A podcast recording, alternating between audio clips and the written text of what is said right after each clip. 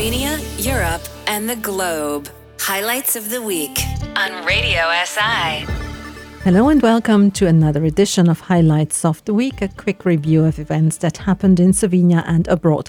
I'm Ksenia Samarja Matul. Thank you for joining me.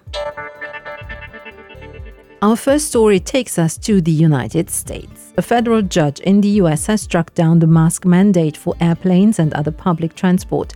This means masks are no longer mandatory on trains, buses, or planes in the US.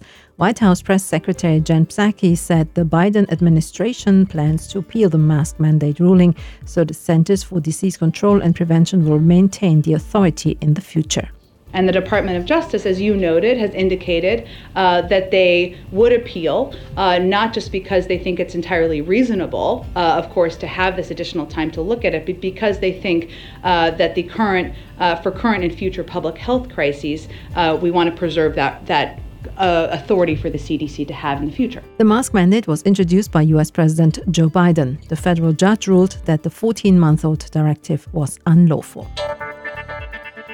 The ISIS group vowed revenge over the killing of its former leader. The militant group's previous leader died in early February when he detonated a bomb to avoid capture during a US raid in northwest Syria.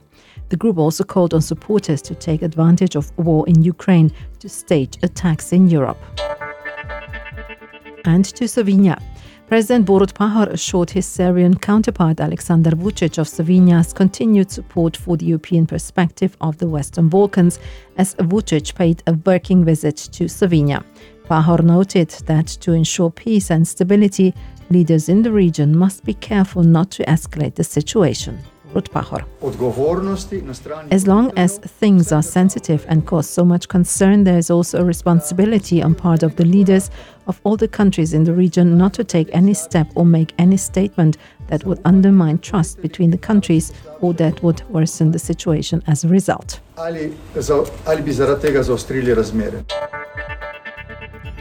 Voters in France will go to the polls on Sunday to elect a new president. The two candidates for the French presidency have gone head to head in their only televised debate ahead of Sunday's second round run-off vote.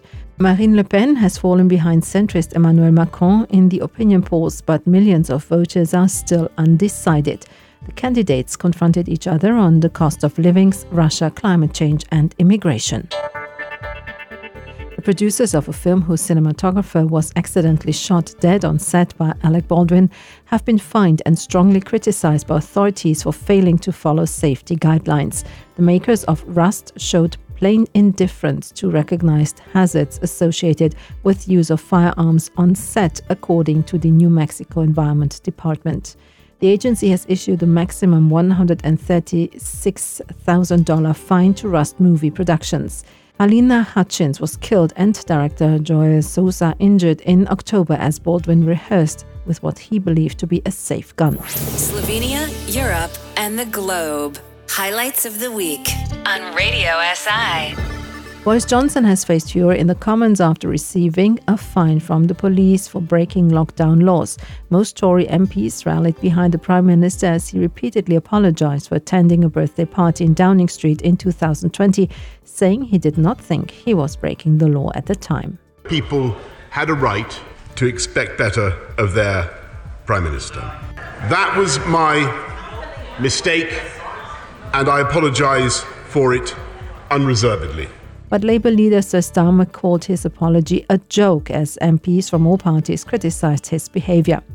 Tory MP Mark Harper called on the Prime Minister to quit over his indefensible actions.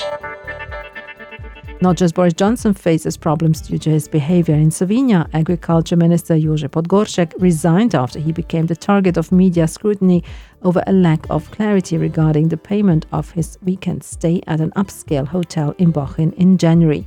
He said he was resigning exclusively due to the late payment of the bill after claiming he was being blackmailed and reporting this to the police. The anti graft watchdog has launched a preliminary inquiry into the matter. Russian President Vladimir Putin has ordered his troops not to storm the Azovstal steel plant, where the last group of Ukrainian fighters in Mariupol is reported to be holding out. Instead, the president told them to seal it up so even a fly cannot escape and said Russia has control of the strategic port city. Some civilians trapped for weeks in the wider southeastern city have been able to leave. In the east of Ukraine, fighting continues.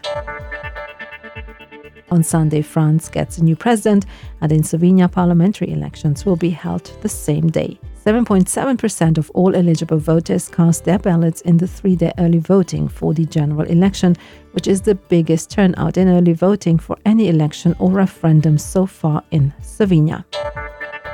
Well, and this rounds up today's edition of Highlights of the Week. Tune in again next week, same time, same place. Have a great week. The most important news from Slovenia, Europe, and around the globe. Highlights of the week. Saturdays at 225 on Radio SI.